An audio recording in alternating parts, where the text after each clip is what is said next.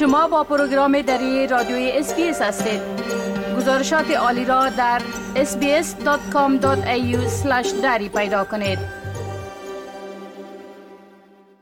یک تحقیق نو وسعت و پیمانه فریبکاری ها و جعلکاری را در استرالیا نشان می دهد. این تحقیق دریافته است که از هر پنج استرالیایی سه نفرشان یعنی 60 فیصد آنها شخصا قربانی فریبکاری و کلاهبرداری مالی شدند یا شخص را می شناسد که در دوازده ماه گذشته همانند بیش از نیم مردم استرالیا که به خاطر افزایش بیکاری و کلاهبرداری نگرانند هم نوا بوده است. این تحقیق که توسط کامنولت بانک انجام شده نشان می دهد که دو سوم یا 64 فیصد استرالیایی ها امروز نسبت به 12 ماه پیش هدف تلاش های بیشتر کلاهبرداری قرار می گیرند. جیمز رابرتس مدیر عمومی دسته خدمات رسیدگی به جلکاری بانک کامنولت که این تحقیق را انجام داده می گوید که جلکاری و کلاهبرداری امروز نسبت به هر وقت دیگر وسیعتر و معمولتر است.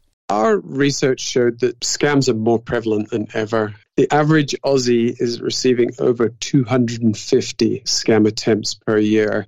Within our research, we also actually asked respondents, so what's changed? What's different? And 64% of them said the rate of increased scam messages and calls that they've been receiving, and 57% said that the degree of sophistication of scams had increased and thus they were way harder to identify. So, those are probably some of the more prominent findings from our research and why we're doubling down on scam prevention and detection at Combank.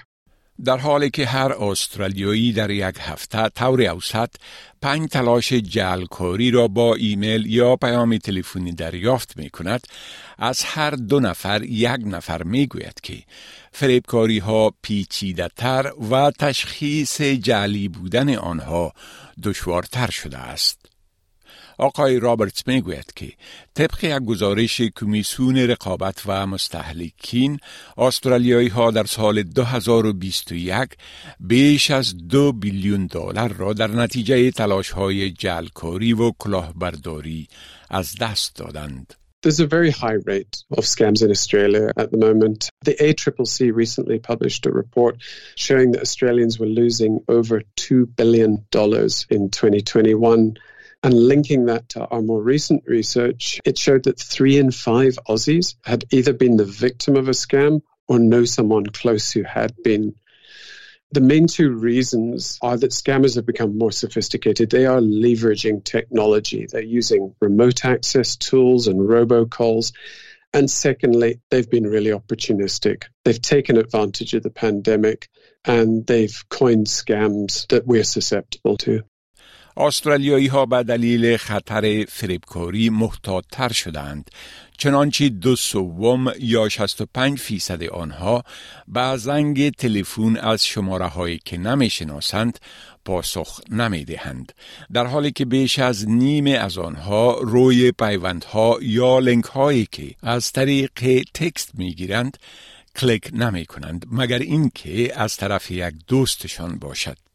جیمز رابرتس می‌گوید که فریبکاری ها اثرات خرد کننده نه تنها از نظر مالی بلکه از نظر روانی هم بر خود قربانیان و هم بر اعضای خانواده و دوستانشان به جا می‌گذارد.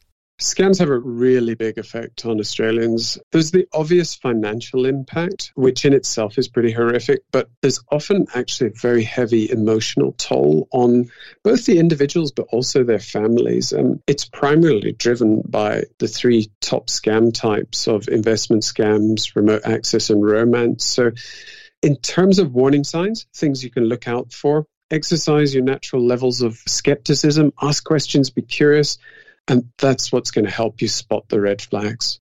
تحقیقات نشان می دهد که با وجود وسعت فریبکاری و کلاهبرداری در استرالیا یک سوم یا سی و سه فیصد استرالیایی هایی که قربانی کلاهبرداری شدهاند به دلایل مختلف از جمله عقیده به این که چنین کار ارزش انجام آن را ندارد یا به خاطر احساس شرم و خجالت در مورد آن اطلاع نمی دهند.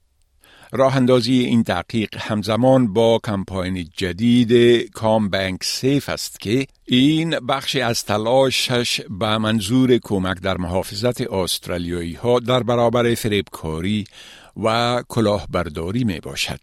این بانک همچنان یک ابزار ساده را به خاطر کمک با استرالیایی ها در محافظت از جلکاران نشر کرده که می گوید صبر کنید، بررسی کنید، رد کنید.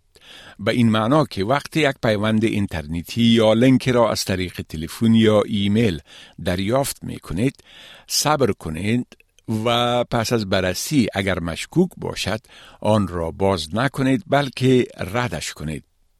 آقای رابرتس به آسترالیایی ها توصیه می کند که آنها باید این را بدانند که جلکاران در هدف قرار دادن مردم تبعیض نمی کنند و باید از آنها برحذر باشند.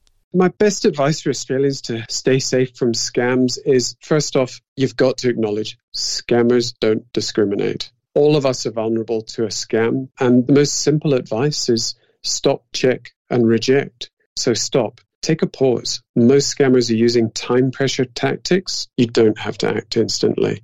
Check. Look on the internet, do some research, talk to your friends and family before committing to a transaction. And lastly, reject. When you've made your decision, stick to it. Stop answering the calls, the SMSs, the emails. It's okay to hang up and call a service provider back on their genuine contact number on their official website. آقای رابرتس می‌گوید که معلومات زیادی در این مورد در صفحه کامبنک سیف موجود است که مردم می توانند از آن استفاده کنند. You can find out more about ways to protect yourself from scams by searching Combank Safe. And when you go onto the website, there's an absolute wealth of information there to keep you safe. همچنان کسانی که معلومات و توصیه بیشتر در مورد فریبکاران و کلاهبرداران می خواهند می توانند آن را از وبسایت Scamwatch با آدرس scamwatch.gov.au به دست بیاورند. می خواهید این گونه گزارش ها را بیشتر بشنوید؟ به این گزارشات از طریق Apple Podcast، Google Podcast، Spotify و یا هر جایی که پادکاستتان را می گیرید گوش دهید.